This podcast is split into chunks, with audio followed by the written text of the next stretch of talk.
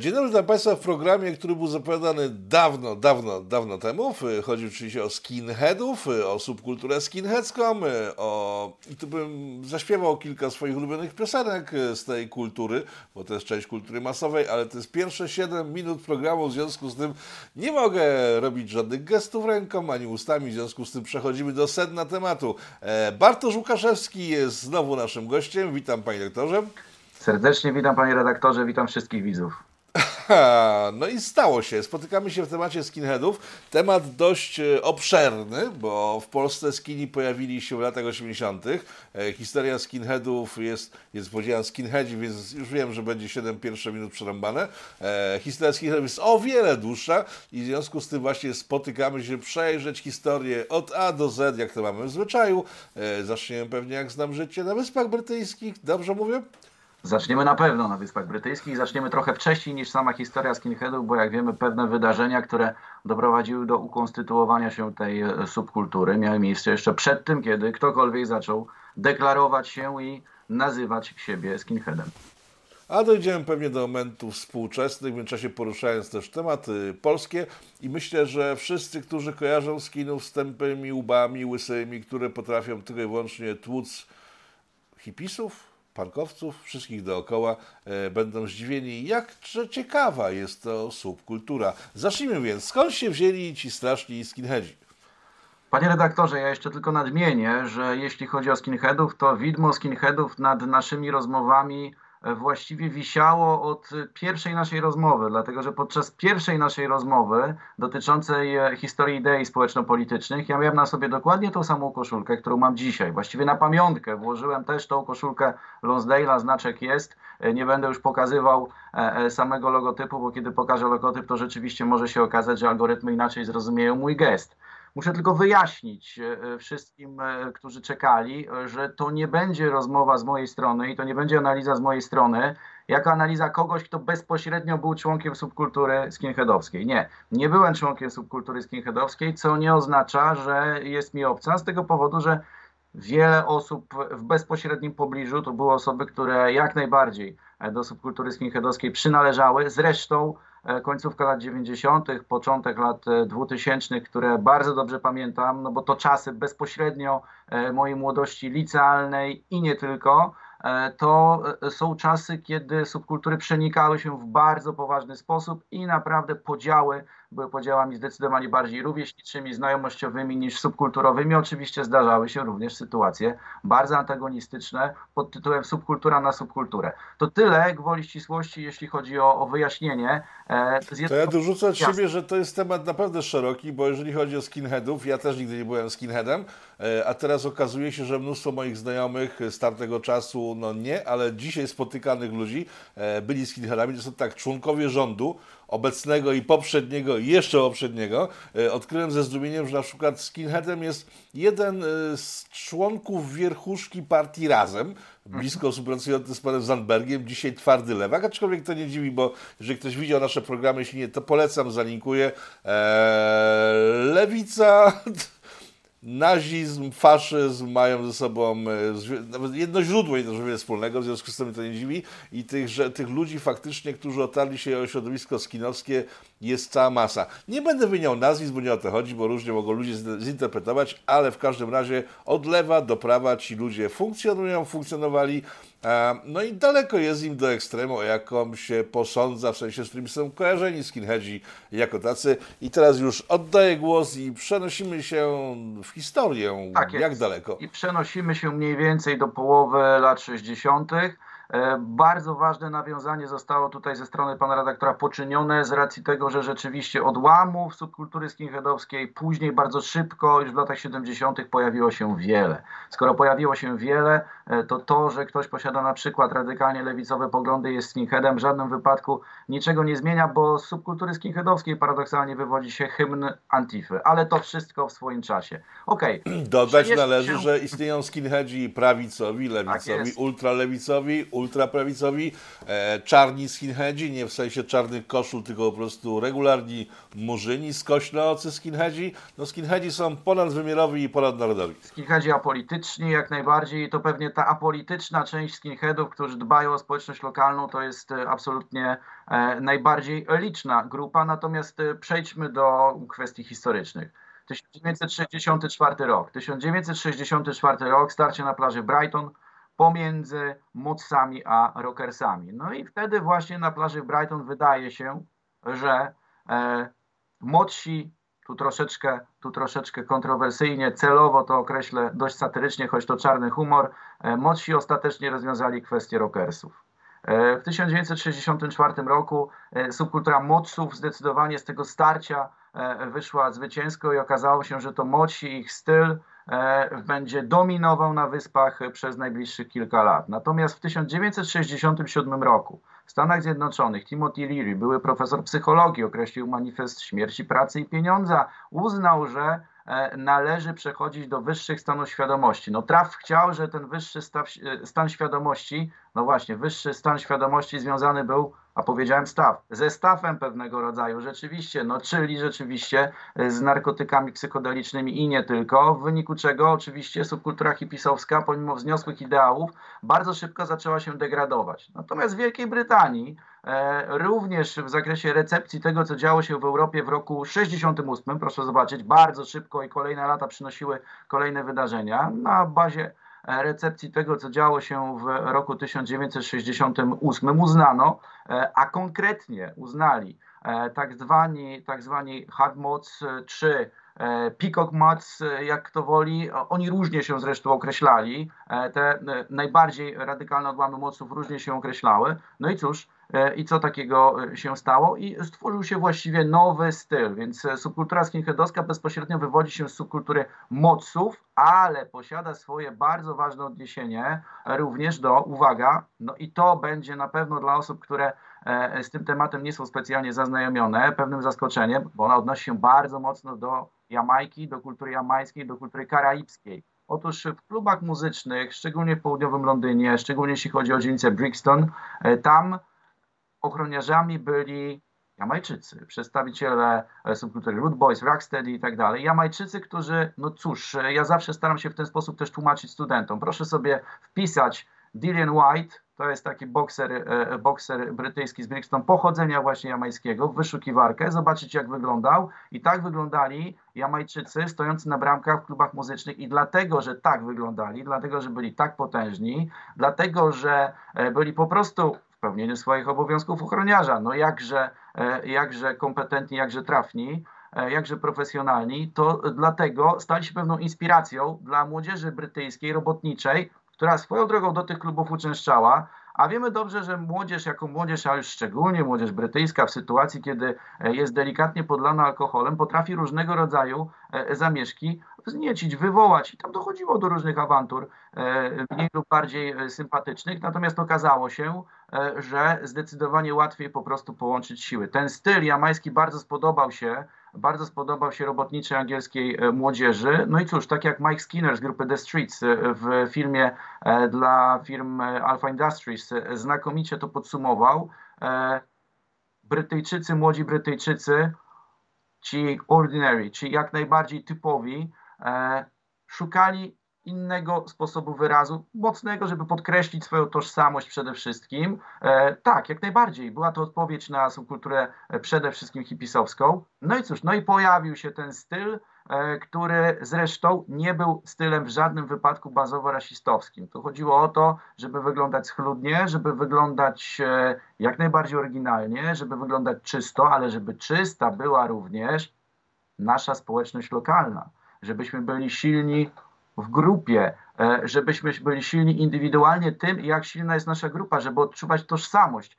Tutaj oczywiście, gdybyśmy e, popatrzyli na hasła wolnej miłości i tak dalej, i ukochania wszystkich i pacyfizmu, e, troszeczkę celowo to przejaskrawiam, to subkultura skinheadowska była przeciwna, czyli nie wielkie idee zmiany świata, ale najpierw zmiana swojej społeczności lokalnej, najpierw działanie oddolne, I to e, właściwie tak zwani treckini, którzy, co jest rzeczą oczywistą, no bo jeśli e, doszło do sojuszu pomiędzy Jamajczykami, przedstawicielami Wysp Karaibskich, którzy stali na bramkach w londyńskich klubach i młodzieżą robotniczą, to jest rzeczą oczywistą, że te pierwsze glany najczęściej, najczęściej z różnymi sznurówkami później zresztą, bo najczęściej no, na początku to po prostu glane sznurówki białe, e, przynajmniej w większości. No i cóż, e, zresztą buty e, pewnej firmy, która później została bardzo spopularyzowana. Byłem w Londynie e, w tym pierwszym firmowym, historycznym sklepie doktora Martensa, bo to przecież słynna,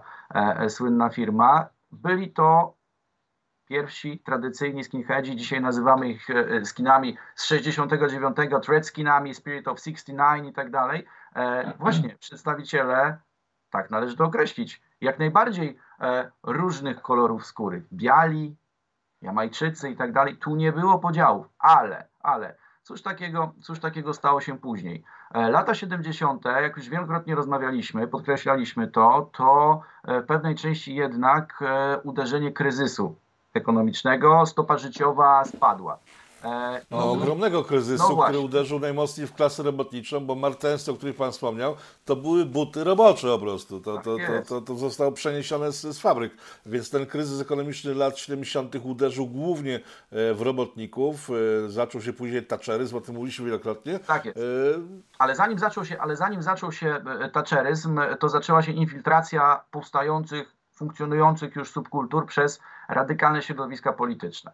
E, I z jednej strony radykalnie infiltrował subkulturę skinheadowską National Front, partia, przyjmijmy tak ją nazwijmy, skrajnie prawicowa. I National Front starał się jak najbardziej infiltrować skinheadów, a e, powstającą w połowie, no i później już rewolucyjnie zalewającą ulicę od 77 roku subkulturę punkową, e, starały się infiltrować przede wszystkim następujące grupy. Tendencja militant, radykalna tendencja Partii Pracy, lejburzystów e, oraz Socialist Workers Party, otwarcie partia, otwarcie e, partia trockistowska.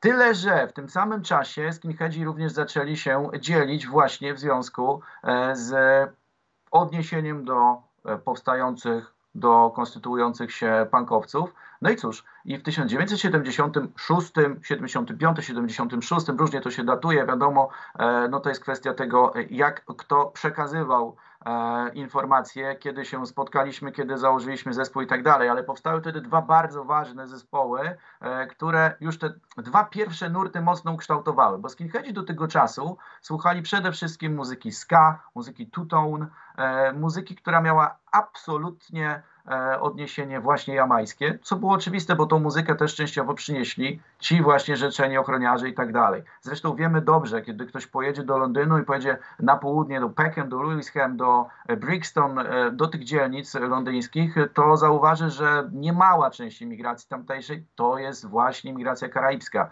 To są tereny, które do dzisiaj tak wyglądają. No dobrze, 76 rok. E, za mną, widać, za mną widać to hasło, to hasło, które spopularyzował właśnie zespół Shem 69. Shem 69, if the kids are united, they will never be divided. Jeśli dzieciaki będą razem, to nigdy nie będą podzielone. Jeśli będą się trzymały razem, to nikt ich nie podzieli. E, to jest hasło skinheadowskie. To jest hasło, które wywodzi się właśnie, szalenie prospołeczne, bardzo ważne, które wywodzi się właśnie z tej e, subkultury. Ale w tym samym 76 roku e, ktoś, kto posłuchał Sex Pistols, był na koncertach, ktoś, kto nawet odtwarzał i, i tworzył covery Rolling Stonesów, Ian Stewart Donaldson, Ian Stewart Donaldson założył grupę Screwdriver. Tylko, że Ian Stewart Donaldson e, lubił e, muzykę gitarową, natomiast Ian Stewart Donaldson lubił również e, różnego rodzaju radykalne treści narodowo-socjalistyczne. No i grupa Screwdriver e, to grupa, która niewątpliwie, e, czy też po prostu e, jej dziedzictwo to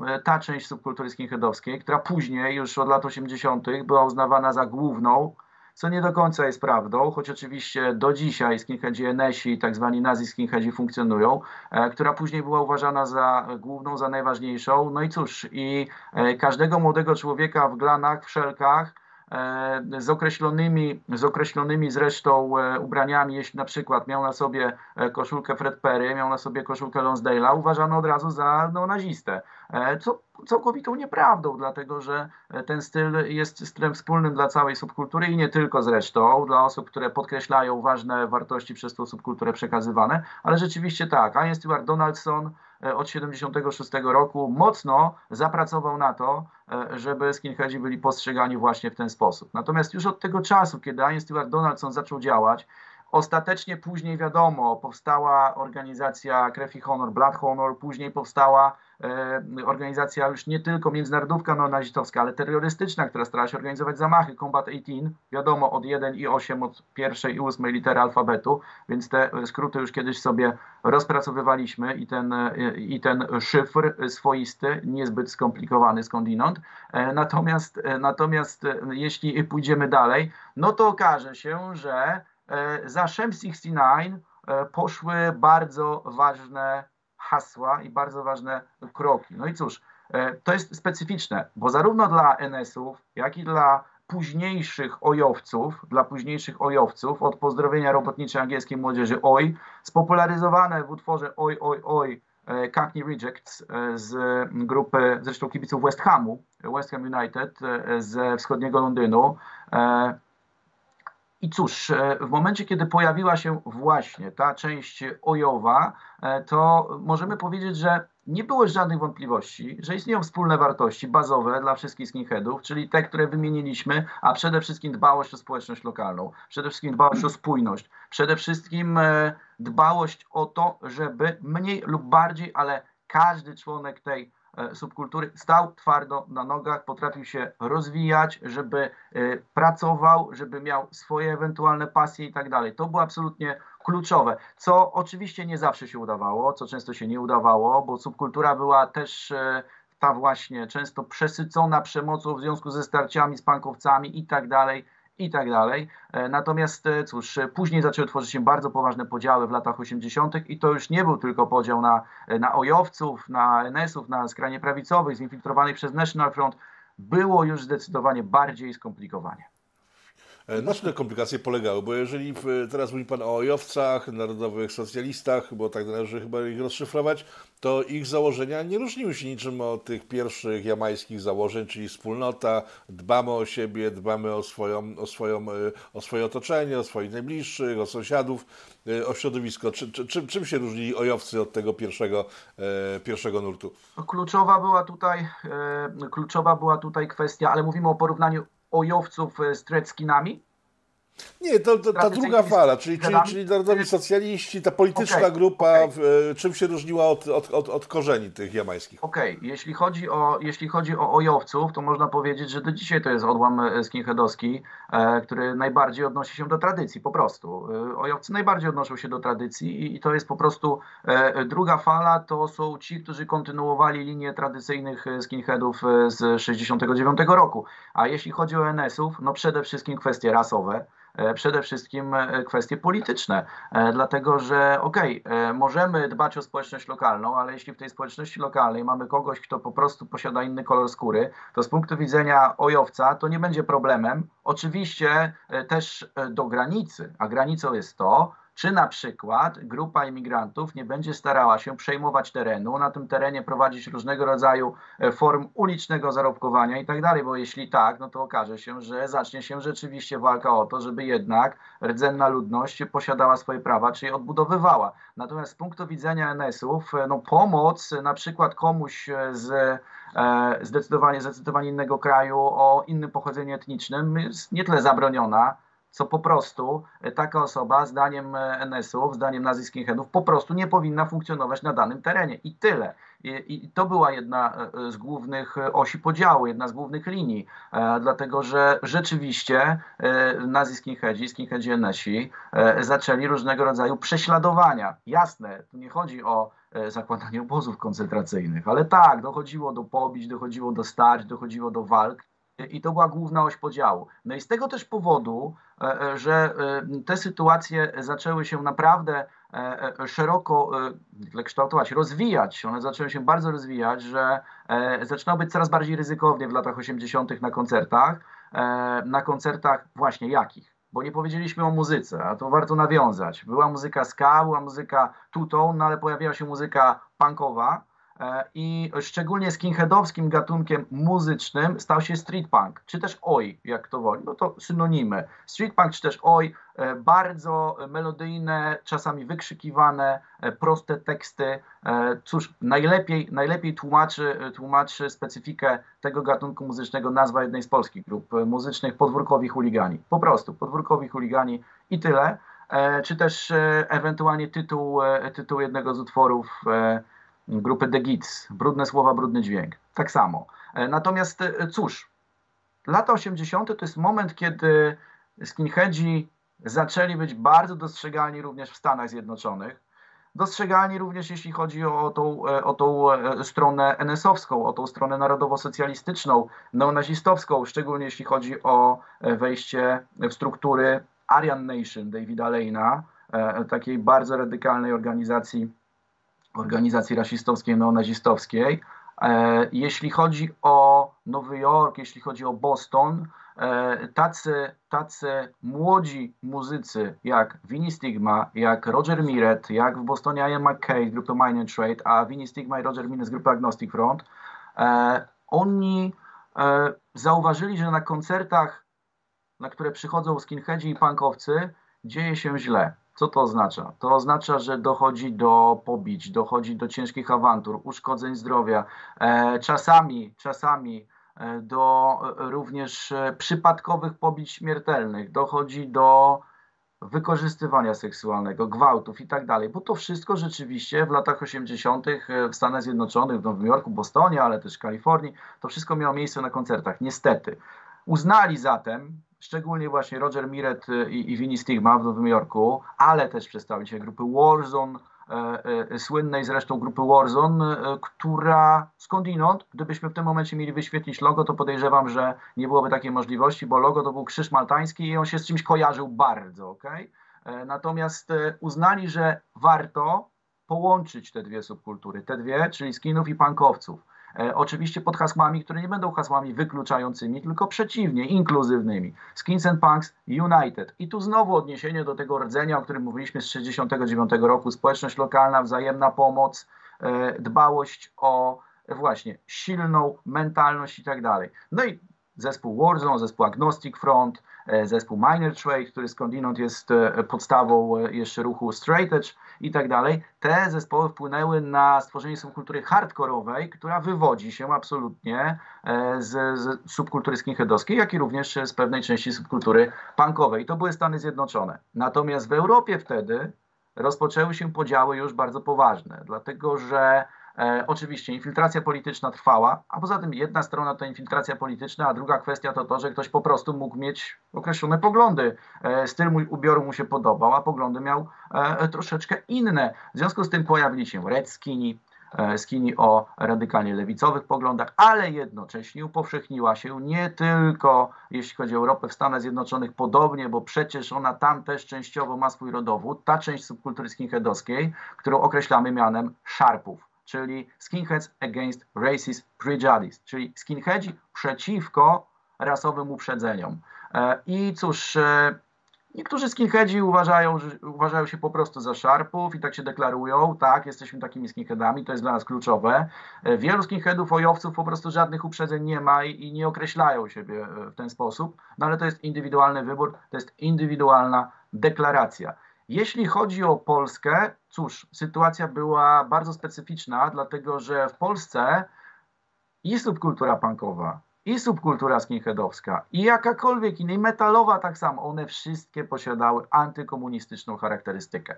Otóż jeśli mówimy o Wielkiej Brytanii, jeśli mówimy o Stanach Zjednoczonych, tak, często punkowcy posiadali bardzo radykalnie lewicowe podejście. No i tutaj z punktu widzenia podziałów politycznych było to zauważalne. Można było powiedzieć, że tak, mniej lub bardziej, ale prawie zawsze skinheadzi będą bardziej prawicowi, a punkowcy bardziej lewicowi. No nic bardziej mylnego, jeśli chodzi o Polskę, o lata 80. E, zdecydowanie antykomunistyczni punkowcy, zdecydowanie antykomunistyczni skinheadzi i tak dalej. Natomiast Oczywiście w Polsce po 1989 roku, jak wiemy, zaczął się potężny, potężny bałagan, jeśli chodzi również o idee, jeśli chodzi o subkultury. To był całkowity e, e, wylew e, tychże subkultur, rozrost całkowicie niekontrolowany. Wróćmy na chwilę do końcówki lat 80., e, bo żeby tak pokazać, jak to wtedy wyglądało, e, w chwili, kiedy przyszedł 89 rok właśnie, to przeciw okrągłemu stołowi, przeciw dogadaniu się z komunistami, protestowali na ulicach i to były zadymy regularne z milicją jeszcze wtedy. Dzisiaj nie do pomyślenia, żeby lewicowcy radykalni razem z radykalnymi prawicowcami brali udział w zadymach, żeby anarchiści brali, brali udział w prawicowych zadymach. Tak? A to wtedy był porządek dzienny w Polsce, bo wszyscy byli przeciw e, temu systemowi. No i przyszły lata 90., a ten bałagan niech pan opisze, bo to, co się wtedy stało, dla mnie jest nawet zagadką, bo nagle ludzie, którzy jeszcze chwilę temu byli radykalnie antysystemowi, stricte antysystemowi, niezależnie od tego, czy to był system taki, e, czy inny, e, nagle zaczęli zakładać sobie ordery od nowej władzy. No i wszystko się strasznie zmieniło. Podział zniknął na my i oni nie wiadomo było, co się właściwie dzieje.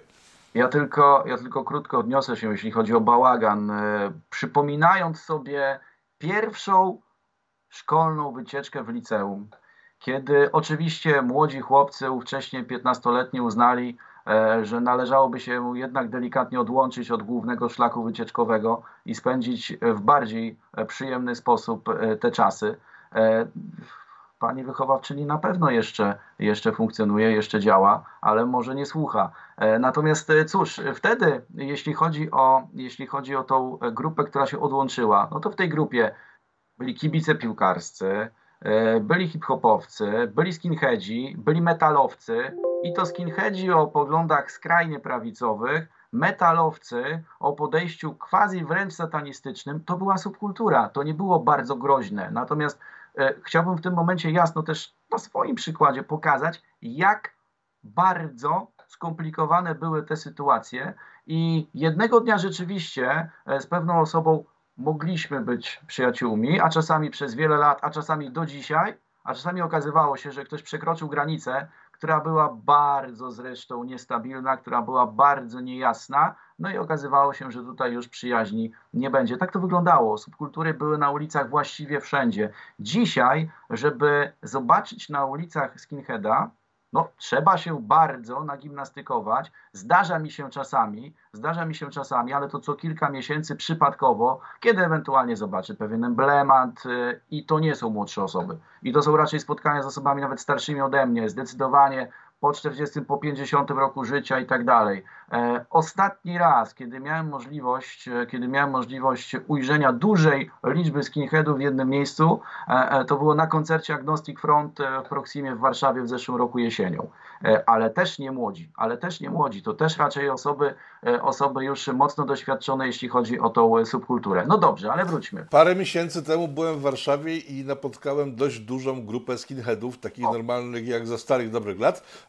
okazało się, że są Ukraińcami, ale taka no właśnie. I, to, I do tego nawiążemy. I do tego nawiążemy, bo to, bo to bardzo, bardzo trafna obserwacja i to się absolutnie zgadza w tym momencie z tymi głównymi tendencjami. Tak, e, skinheadzi przeszli trochę na wschód, ale o tym, e, ale o tym, o tym wszystkim zaraz. No cóż, lata 90.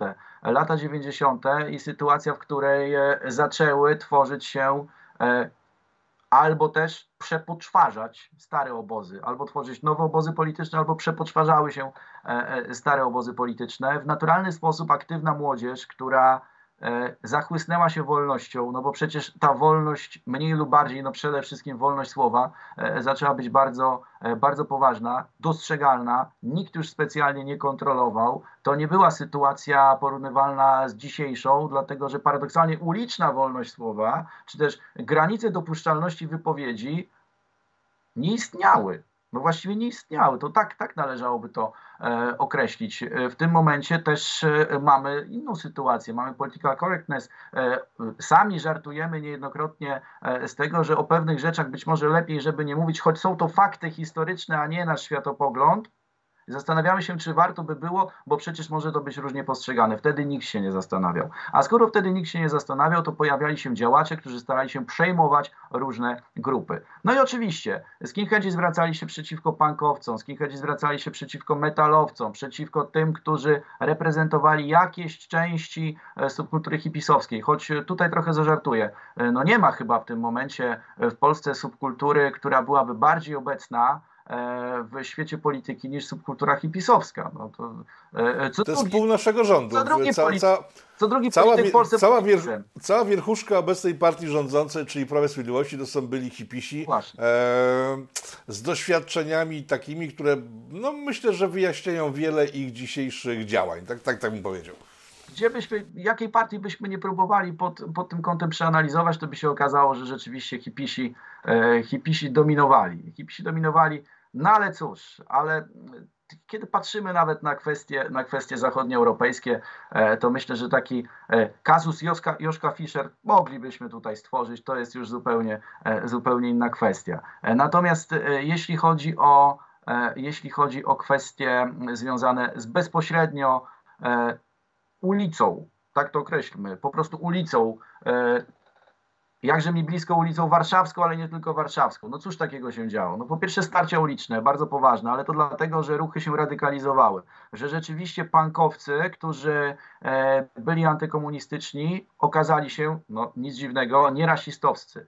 A w Polsce zaczęły pojawiać się ruchy, czy e, ci, którzy odnosili się, przede wszystkim ci działacze, którzy odnosili się do kwestii e, endeckich, do narodowej demokracji, e, czy ci, którzy odnosili się na przykład do panslawizmu, bo to też się pojawiało bardzo szybko, starali się przejmować, czy też budować swoje struktury na bazie subkultury skinheadowskiej. I to wychodziło. To wychodziło. No i z tego też powodu w Polsce ograniczony w pewnym momencie został E, został, ale to już końcówka lat 90., odłam e, neonazistowski, tak zwani NS-i zostali ograniczeni, a wzrosła rola po prostu skinheadów nacjonalistów, narodowców, polskich skinów narodowców. E, to też tak częściowo właściwie mocno polski wynalazek, skini narodowcy polscy typowo i tak dalej, bo, bo to nie było wielce zauważalne i dostrzegalne w, w innych krajach ale zanim to nastąpiło, to mniej więcej od 92, 3, 4, 5 roku zaczęła się ekspansja flyersów e, typowych skinheadowskich e, kurtek na stadionach, na ulicach. E, no i wiadomo, jeśli nie pomarańczową stroną wywinięta, bo kurtka dwustronna, to znaczy, że skinhead miał zamiary pokojowe. Ale jeśli odwrócona i pomarańczowa, no to już mogło zwiastować pewną konfrontację. E, stadiony zostały zalane. Pierwsze grupy chuligańskie, e, które zaczęły się formować, rekrutowały się przede wszystkim z osób o E, właśnie przynależności typowo skinheadowskiej. Nie powiedzieliśmy o tym oczywiście, że w krajach europejskich tak samo. E, wiele pierwszych grup kibicowskich, jeśli chodzi o zorganizowany ruch kibicowski, a szczególnie tą stronę chuligańską, e, to były osoby, które wywodziły się z subkultury skinheadowskiej właśnie. Lata 90. skinheadzi, kiedy ktoś będzie oglądał, a filmów jest masa dostępnych w tym momencie w przestrzeni sieciowej, awantury z lat 90., stadionowe przede wszystkim, bo wtedy jeszcze były to awantury stadionowe, to E, absolutnie pomarańczowe strony flyersów będą dominować, będą zalewały ekran, cały ekran będzie, będzie pomarańczowy. E, cóż, e, oczywiście to jest też czas, kiedy subkultura skinheadowska w Polsce zaczęła się radykalizować. E, działała Polska Wspólnota Narodowa.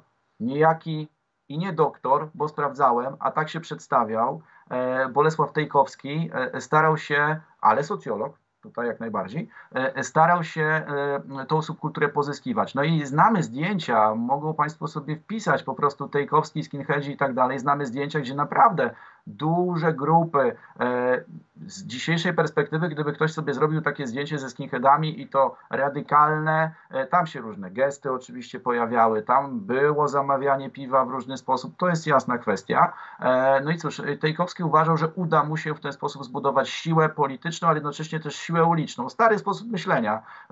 Powiedziałbym, że stary sposób myślenia, który ma swoje odniesienia jeszcze, jeszcze do, do różnych podobnych form aktywności. Natomiast naturalnie kolejne ruchy, które się pojawiały, e, takie, takie jak, no zresztą, dobrze o tym wiemy, no Liga Polskich Rodzin później też starała się, też starała się e, pozyskiwać skinheadów więcej.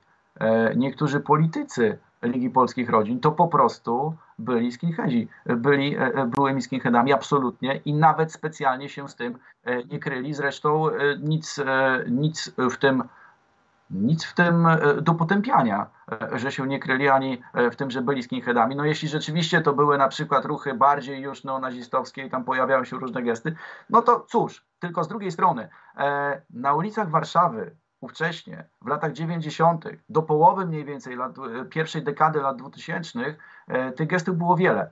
One często były prześmiewcze. Ja sam bardzo dobrze znam, widziałem sytuacje, w których na przykład pankowiec i skinhead żegnali się ze sobą salutem rzymskim i to była forma żartu. I to była forma żartu. Później przecież już po tych szalonych latach 90. przemieszanych całkowicie E, na przykład taki klub warszawski jak Aurora na Powiślu funkcjonował. W Aurorze spotykali się pankowcy, skinheadzi i tak dalej nie zawsze dochodziło do awantur, choć w latach 90. i później, szczególnie na polach mokotowskich, jak najbardziej dochodziło do starć, również e, jeśli chodzi o samą strukturę skinheadowską, o samą subkulturę skinheadowską pomiędzy ojowcami i NS-ami, bo w Warszawie, o czym chciałem powiedzieć, też działała komórka Blood Honor, krew i honor tej międzynarodówki, której inspiracją ogromną stał się właśnie Ian Stewart Donaldson, więc te ruchy radykalne w Warszawie też funkcjonowały. Na stadionie warszawskiej Legii do dzisiaj symbolicznie wywieszana jest flaga White Legionu, grupy chuligańskiej, grupy kibicowskiej, która posiadała zdecydowanie, jeśli chodzi o swoje odniesienie światopoglądowe, e, no cóż, e, radykalnie prawicowe podejście, to niewątpliwie, tam pewien znaczek nawet, nie będę mówił jaki, bo wtedy nasz program na pewno się, e,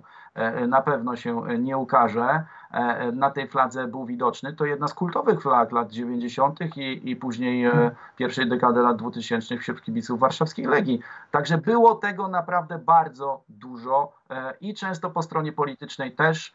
Nie mogę powiedzieć, nie można powiedzieć, że liczebnie w latach 90. dominowali skinheadzi na ulicach. Na pewno nie dominowali punkowcy, choć było ich dużo. To jest pewien paradoks, bo kiedy się e, szacuje, to jednak okazuje się i z deklaracji wynika i z badań w latach 90., że metalowców było najwięcej. Ale to tylko, to tylko w przypisie jako dygresja.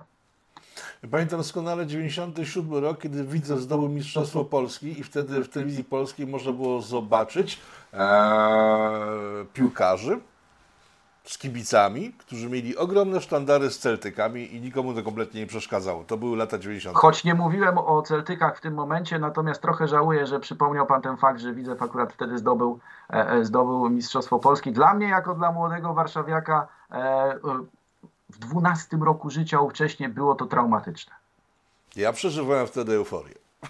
Rozma ale, jestem, ale jestem z Łodzi. Rozmawialiśmy już o tym, rozmawialiśmy już o tym wielokrotnie. E, to jest e, takie porozumienie ponad podziałami kibicowskimi. Okej, okay. kiedy, kiedy doszło do przeistoczenia tego ruchu skinowskiego e, w polityczny ruch narodowy? Bo to kiedy pod koniec lat 90., bo 97 wspomniałem, na ulicy widziało się kogokolwiek, nie wiem, w koszulce z orłem, to trzeba było uważać, wiadomo było na 100%, że to jest osoba o radykalnych poglądach, która może e, zareagować no, niestandardowo, a może właśnie standardowo przemocą na jakiekolwiek e, rzeczy, których nie rozumie w otoczeniu. E, to były lata 90., kiedy faktycznie koszulki z białym orłem nosiła tylko ekstrema. E, w tej chwili to jest czymś normalnym i to się bardzo zmieniło. Można jakoś prześledzić te, te, te zmiany z takiego radykalnego ruchu, który zawłaszczył, a czy zawłaszczył. Oni jedyni wtedy pamiętali o polskości, to trzeba im oddać, tak? Muzeum Powstania Warszawskiego, które odbudowało pewną tożsamość, powstało dekadę później i to bardzo wolno szło. Do dzisiaj można usłyszeć na przykład w jednej z wiodących telewizji, że hasło Bóg, honor, ojczyzna to jest hasło e, faszystowskie. Można jakoś e, prześledzić e, zmiany, jeżeli chodzi o podejście do nacjonalizmu w ostatnich latach? Skądinąd nikt nie przyniósł tak wspaniałych rezultatów dla odbudowywania pamięci zbiorowej, jak autorka tego, tego stwierdzenia, że Bóg, honor, ojczyzna to, że Bóg, honor, ojczyzna to, to hasło faszystowskie. E, no, było to na tyle kuriozalne, że rzeczywiście pozwoliło na budowę wielu bardzo ciekawych przedsięwzięć właśnie na bazie tej e, wypowiedzi. Jeśli chodzi o, o przejście e, skinheadów tych narodowych, no i części zresztą tych, którzy wywodzili się z bardziej z części NS-owskiej, z ruchu NS-owskiego, narodowo-socjalistycznego, no to cóż, upadek znaczenia polskiej wspólnoty narodowej Bolesława Tejkowskiego doprowadził do tego, że niemała część tych osób e, zaczęła funkcjonować w orbicie młodzieży wszechpolskiej, ONR-u, późniejszego LPR-u i zaczęła wchodzić w te struktury. No i to jest przełom, przełom 99, 2000, kolejne lata i tak dalej. Aż oczywiście, aż oczywiście pojawiła się sytuacja, kiedy LPR zagościł na salonach i kiedy też częściowo skinheadzi zagościli na salonach. Ja nie wiem, czy Państwo pamiętają taki program Młodzież Kontra. Młodzież Kontra to był e, program z młodzieżówkami partyjnymi. I najbardziej, e, najbardziej sympatycznym momentem, ja celowo zawsze wtedy włączałem, był ten moment, e, kiedy pojawiały się różne młodzieżówki w krawatach i tak dalej, jeszcze niektórzy w biało-czerwonych krawatach, młodzieżówka samoobrony. No i pojawiała się młodzieżówka LPR-u i pojawiali się Wszechpolacy. I Wszechpolacy wtedy to jeszcze nie byli ci narodowcy, którzy, których my dzisiaj znamy, których symbolem jest Robert Winnicki na przykład. No nie, nie tak wyglądali ówczesni narodowcy. Czyli rzeczywiście czasami szelki, czasami koszulki Fred Perry, Lonsdale i tak dalej, więc tam po prostu siedzieli skinheadzi, e, jeśli chodzi o jeśli chodzi o e, młodzieżówkę LPR-owską. To było bardzo ciekawe. Inna rzecz, że oni byli średnio przygotowani do udziału w tym programie i pytania były raczej specyficzne e, i goście potrafili się e, szybko, zapraszani politycy potrafili się szybko obronić przed tymi pytaniami. Natomiast cóż, jeśli chodzi o zmianę do podejścia narodowego, to jest ważne, co zostało powiedziane, dlatego że na przykład jeśli chodzi o środowisko Marszu Niepodległości, to mówi się o tym, że i często w mainstreamowych mediach mówi się o tym, że to jest e, wytworzone przez narodowców i tak dalej. I jak to się stało, że. A stało się dlatego, że e, choćbyśmy się zgadzali bądź nie z pewnymi elementami podejścia, z pewnymi elementami światopoglądu, czy byśmy się zgadzali z tym, w jaki sposób należy kształtować pamięć zbiorową, czy nie, no bo przynajmniej wydaje się, że co do tego, że powinniśmy, to w pewnej części jednak się zgadzamy, że pamięć zbiorowa jest kluczowa. E, cóż, oni rzeczywiście rozpoczynali oni rzeczywiście jako pierwsi zaczęli chodzić i tak dalej, i tak dalej, odbudowywać, e, w pewien sposób kultywować w przestrzeni miejskiej 11 e, listopada. Jak to robili, czy nam się podoba, to jest zupełnie inna kwestia. E, I ta legenda po prostu przetrwała i zaczęła być odbudowywana i dlatego dla tego środowiska jest tak ważna. A po 2010 roku, po katastrofie smoleńskiej, doszło do dużej zmiany, dlatego że nagle okazało się, że cóż, wydarzenie było traumatyczne, że należy zacząć organizować się w tym kierunku, e, żeby być może rzeczywiście stanowić pewną tamę dla ruchów, które no, brutalnie nazwane, ale starały się wykorzystać e, tą tragedię do być może właśnie pozbawienia pewnych elementów pamięci zbiorowej w tym celu, żeby następnie na tym budować swój kapitał polityczny. Brutalnie, ale, ale rzeczywiście tak raczej to wyglądało. Tyle, że wtedy Tyle, że wtedy e, w środowiskach e, skinheadowskich, post-skinheadowskich i tak dalej e, doszło do następującej refleksji to już chyba nie jest czas, żebyśmy strzelali sobie w stopę e, poprzez zamawianie pięciu piw w wiadomy sposób. To już chyba nie jest czas, żeby e, epatować naszym stylem, bo rzeczywiście on po części został w pewnych kwestiach, w pewnych środowiskach czy w sferze publicznej skompromitowany. To chyba jest czas, żeby zacząć myśleć inaczej i wtedy w Warszawie zaczęli funkcjonować nie tylko i w dużych polskich miastach tak zwani autonomiczni nacjonaliści, ale to jest temat na zupełnie inną historię. Znaczy ten, ten kazus 2010 roku jest o tyle ciekawy, że do 2010 Marsz Niepodległości funkcjonował, ale to było niewielkie zjawisko tak naprawdę, praktycznie niezauważalne. Eee, prądu cała ta akcja dostała w 2011, kiedy Lewica zaprosiła w kontrze do polskiego Marszu Niepodległości Antifę niemiecką i wtedy no chyba każdy normalny człowiek, widząc co się dzieje, no poszedł na ten Marsz Niepodległości. Akurat nigdy nie byłem, to nie, nie mnie dotyczy, ale wtedy nagle Marsz Niepodległości stał się niezwykle popularny i bujny w osoby. Przynajmniej 11 rok to wielka zadyma z policją, która nie wiedziała kompletnie co tak robić. Jest, tak jest. Tyle, że w 2011 roku e, informacja o tym, że ta Antifa z Berlina i nie tylko przyjedzie, e, ta informacja była powszechna na ulicach Warszawy i w środowiskach kibicowskich e, na wiele, wiele dni przed tym, kiedy potwierdzono, że ona rzeczywiście przyjedzie. Oczywiście no, pewien, pewien działacz, e, którego imię i nazwisko e, pozostanie tutaj niewypowiedziane, ale powiedzmy, że imię to krytyka, a polityczna to nazwisko, tenże, tenże zaczął to ogłaszać zaczął to ogłaszać i tu pojawiały się, i zresztą nie tylko on, ale generalnie to środowisko zaczęło ogłaszać, że Antifa przyjedzie co doprowadziło do zjednoczenia, poważnego zjednoczenia y, kibicowskiego, ale po stronie y, grup chuligańskich. No i cóż, e, szanowni państwo, jeśli na ulicach Warszawy wtedy ręka w rękę funkcjonowali chuligani e, warszawskiej Legii, poznańskiego Lecha, łódzkiego UKS-u, gdańskiej Lechii, łódzkiego Widzewa i tak dalej, i tak dalej, wszyscy razem, Wisły Kraków, razem, no to jak miało to wyglądać? To jak miało to wyglądać? Czyli tak, rzeczywiście, jak płachta na byka informacja o Antifie zadziałała, bo przecież wielu starszych kolegów, albo nawet tych osób, to były osoby, które jeszcze funkcjonowały wcześniej, czy te grupy powstawały właśnie na bazie subkultury skinheadowskiej, no więc Antifa, naturalny przeciwnik, e, okazał się bardzo atrakcyjny. Bardzo atrakcyjny. Czyli co, czyli co panu Sierakowskiemu należy się order za wzmożenie wspólnoty narodowej i zbudowanie Marszu Niepodległości oraz odtworzenia potrzeby tradycji narodowej w Polsce, tak? To tak to trzeba uznać?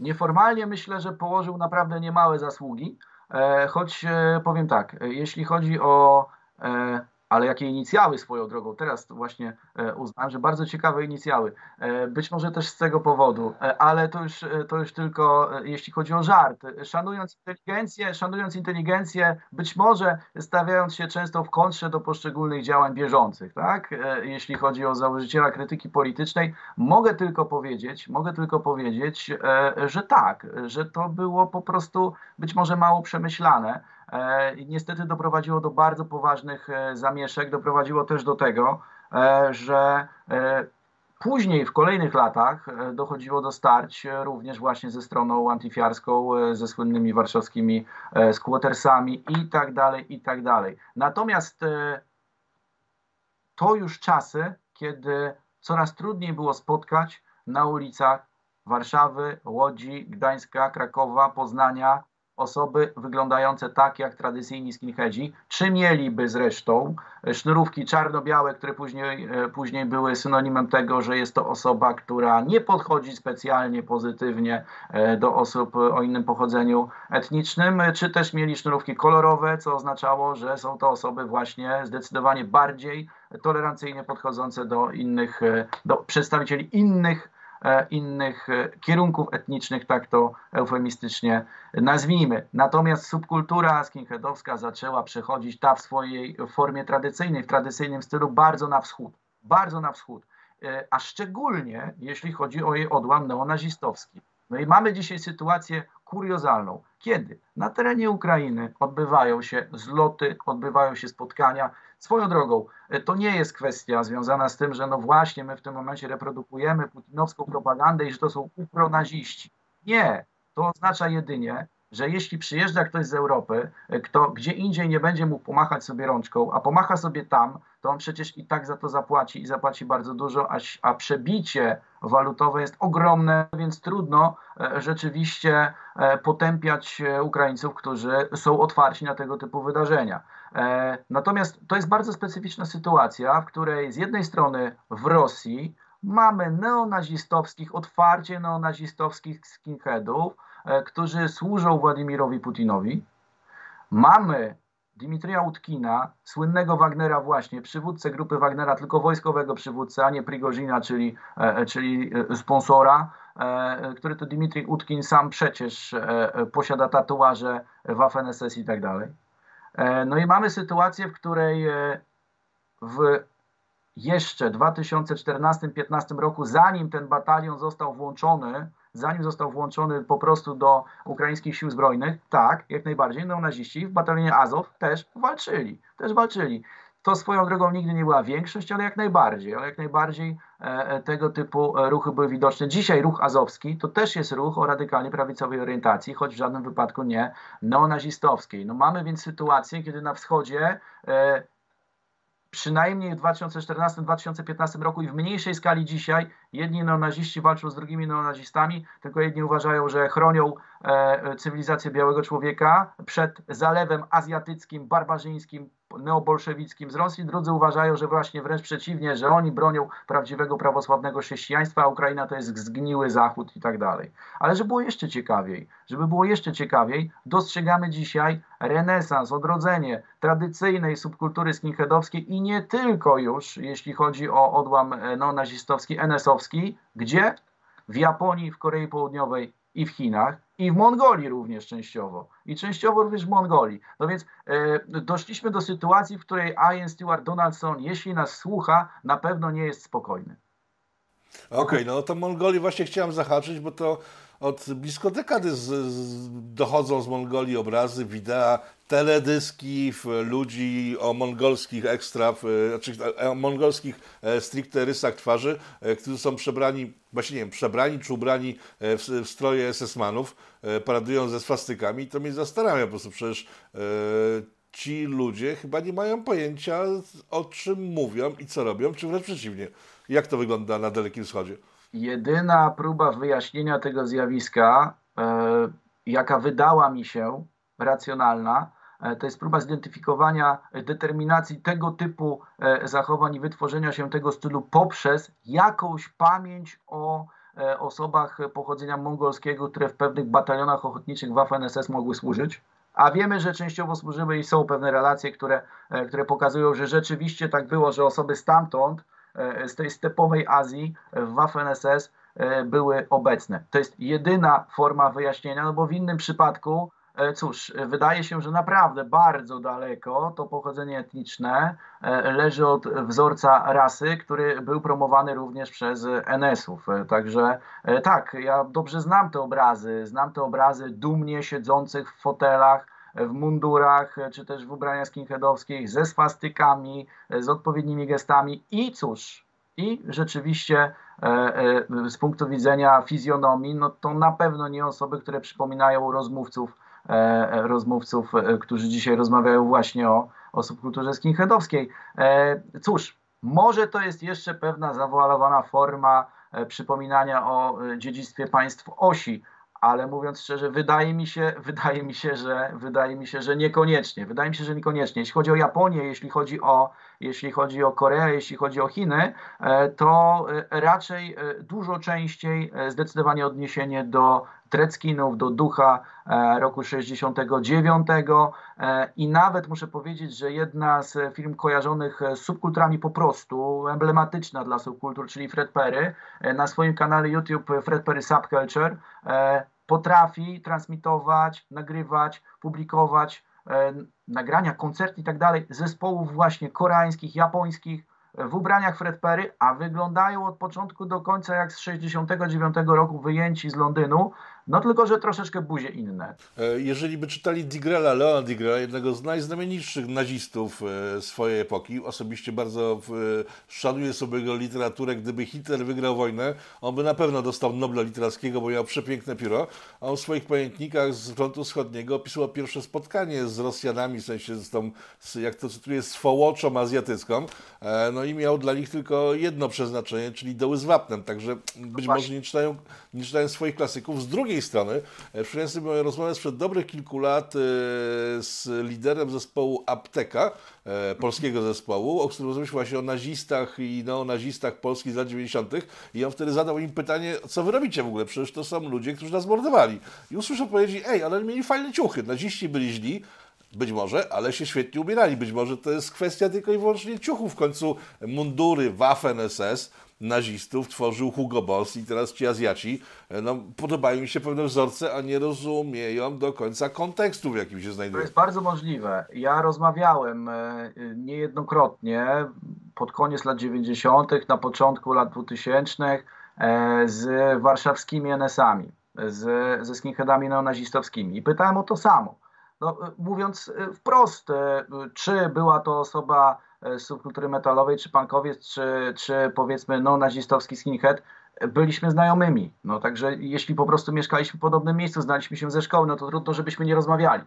E, najważniejsze było to, że byliśmy na przykład z jednej dzielnicy, a mniej ważne to z jakiej subkultury i tak dalej. No ale właśnie, e, pytałem dokładnie o to samo. Zaraz, w jaki sposób możecie E, na przykład przypinać sobie swastyki do kołnierzyków, rozmawiać na ten temat. Przecież my jesteśmy historycznie naturalnymi wrogami. No tak, ale to nie do końca tak, bo istnieją pewne zapisy, bo to zostało źle odczytane, a może by było tak, żebyśmy się porozumieli i tak dalej, i tak dalej. No więc taka radosna twórczość, mocno radosna twórczość, a tak naprawdę być może próba też e, po prostu poczucia pewnej siły, kompensacji, być może pewnych elementów, które nie zostały w procesie wychowania też e, zapewnione i tak dalej, i tak dalej. Dzisiejsza sytuacja jest specyficzna o tyle, e, że mamy do czynienia z mutacją e, pewnych ruchów skinheadowskich, tylko że ci skinheadzi rzadziej w krajach europejskich wyglądają tak, jak skinheadzi wyglądali kiedyś, natomiast są to ruchy specyficzne, bardzo podzielone. Na przykład możemy tu powiedzieć o specyficznym ruchu, który się dalej rozwija, NSBM, czyli Narodowy socjalistycznie, narodowy socjalistyczny black metal. No i to są osoby, które wyglądają troszeczkę jak metalowcy, troszeczkę jak skinheadzi, trudno powiedzieć w jaki sposób, ale taka muzyka jak NSBM jak najbardziej funkcjonuje, taka scena narodowo-socjalistyczna black metalowa funkcjonuje. We Włoszech, we Włoszech, choć Włochy e, specjalnie rasistowskie nie są i nie były, e, to jednak e, w Varese na północy Włoch istnieje odłam Blood Honor, natomiast jeśli chodzi o uwaga, najbardziej radykalnie prawicowy, czy najbardziej powiedzmy sentymentalny, jeśli chodzi o kwestie e, neofaszystowskie, to nie, bo to generalnie Włochy, ale neonazistowskie, e, to jest region Veneto, region Wenecji. Najbardziej radykalna organizacja skinheadów to jest, to jest organizacja Veneto Fronte Skinheads, włoska, no i tam rzeczywiście czasami jeszcze można tych pięciopalczastych spotkać, natomiast jeśli chodzi o E, muzykę. Scena NS Hardcore również się pojawia, takie zespoły jak Steel Burning Youth na przykład. I uwaga, e, pewne formy post-skinheadowskiego sposobu myślenia we Włoszech, połączone z muzyką hardkorową, doprowadziły do wytworzenia się sceny, uwaga, narodowo-socjalistycznej sceny obrony praw zwierząt. To jest ciekawe. Narodowo-socjalistyczna scena obrony praw zwierząt. Jak najbardziej. Tak jak Steel Burning Youth na przykład, to jest zespół, którego jeden z głównych utworów jest zespół Nowi, jest utwór e, Nowi Visecjone, Nowi Visecjone, przeciwko wiwisekcji, e, ale mają też jeszcze inny hit, e, Emo Holocaust, przeciwko subkulturze emo. Także Okej, okay, czy to, to mi kompletnie nie dziwi, bo bardzo. To mnie o tyle nie dziwi, że zdziwienie to miałem jakieś 30 lat temu, kiedy Deserter, jedna z najlepszych swego czasu kapel punkowych w Polsce, po zmianie systemu, e, kiedy wokół zapanowała bieda i no wtedy naprawdę można było zacząć e, śpiewać o rzeczach istotnych i realnych. E, na pierwszej płycie po upadku systemu nagrała piosenkę o tym, jak to strasznie zrzeźni. Także to mnie kompletnie nie dziwi, ale pomnieliśmy jeszcze nie jakoś bardzo istotny szczegół w subkulturach skinowskich, czyli homoskinów, bo jest jeszcze odłam homoseksualnych skinów, e, którzy, których, których, łączy ich e, preferencje seksualne.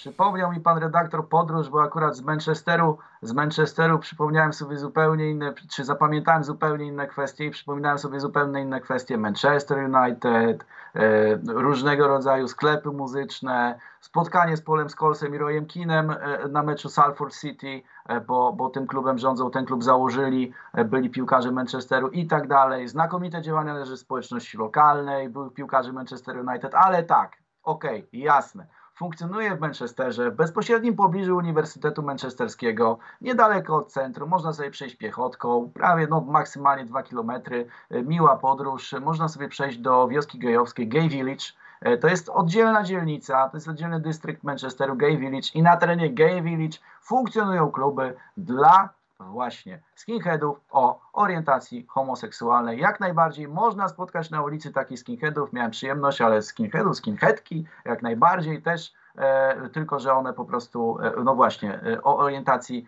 też tej samopłciowej, czyli o orientacji, orientacji lesbijskiej, jak najbardziej można spotkać. Tak, tak. W Manchesterze to funkcjonuje. Swoją drogą Manchester jest bardzo specyficznym konglomeratem, jeśli chodzi o, o masę różnych stylów ulicznych i nie tylko. I swoją drogą dość spójnym, bo tam rzeczywiście te ideały właśnie, właśnie E, dbałości o społeczność lokalną jeszcze z 1969 roku bardzo rezonują. Tylko, że z drugiej strony można było powiedzieć, że więcej najprawdopodobniej zrobił e, dla e, odrestaurowywania ciągłego, reprodukowania tych ideałów Sir Alex Ferguson, niż, niż subkultura skinheadowska tamtejsza. Natomiast tak, jeśli ktoś chciałby, ja uznałem, że warto i rzeczywiście, rzeczywiście też umawialiśmy się w taki sposób, że kiedy odwiedzę i spotkam, i sprawdzę i zobaczę, to nagramy ten materiał. Tak, byłem, co prawda e, długo czekaliśmy, różne sytuacje miały miejsce. Byłem pod koniec września na Gay Village, jak najbardziej spotkałem gejowskich skinheadów.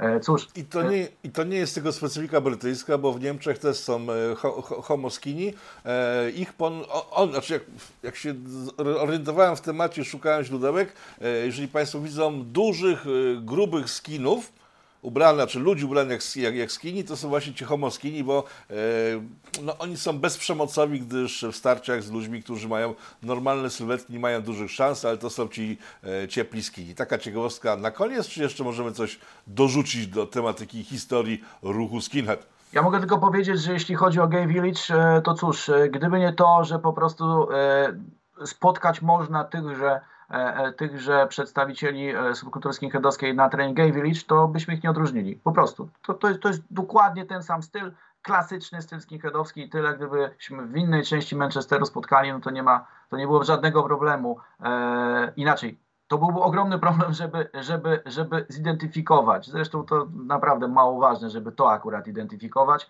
a fiksacja kultury masowej i fiksacja E, czasami nawet niestety analityków na tym fakcie wydaje się no, całkowicie przestrzelona w kontekście głównych problemów społecznych, jakie, e, jakie funkcjonują. Mogę tylko tyle powiedzieć, jakie, jakie dostrzegamy, e, że z punktu widzenia subkultury skinheadowskiej nie ma chyba ważniejszej wartości i bardziej aktualnej dzisiaj E, niż dbałość o społeczność lokalną. Z tego też powodu, że rozmawiamy przede wszystkim o uciechach indywidualnych, o naszych indywidualnych prawach, a trochę zapominamy o tym, że się wywodzimy z pewnych korzeni, że tożsamość jest tym, co może nas w sytuacjach krytycznych uratować, to wydaje się, że skinheadzi dzisiaj, rozumiani tradycyjnie, są najbardziej nonkonformistyczną e, subkulturą, jaką można sobie wyobrazić. Jeśli będziemy o tym dziedzictwie, dbałości o społeczność lokalną, wzajemnej pomocy pamiętać, to wydaje się, że zaczerpniemy z E, historii skinheadów to, co powinno być przekazywane i upowszechniane.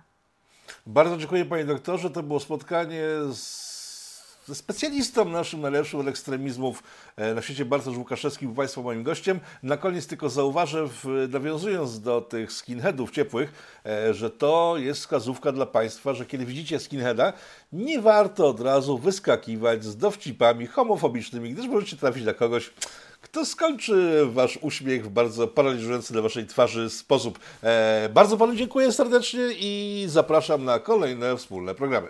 Dziękuję serdecznie, pozdrawiam wszystkich widzów.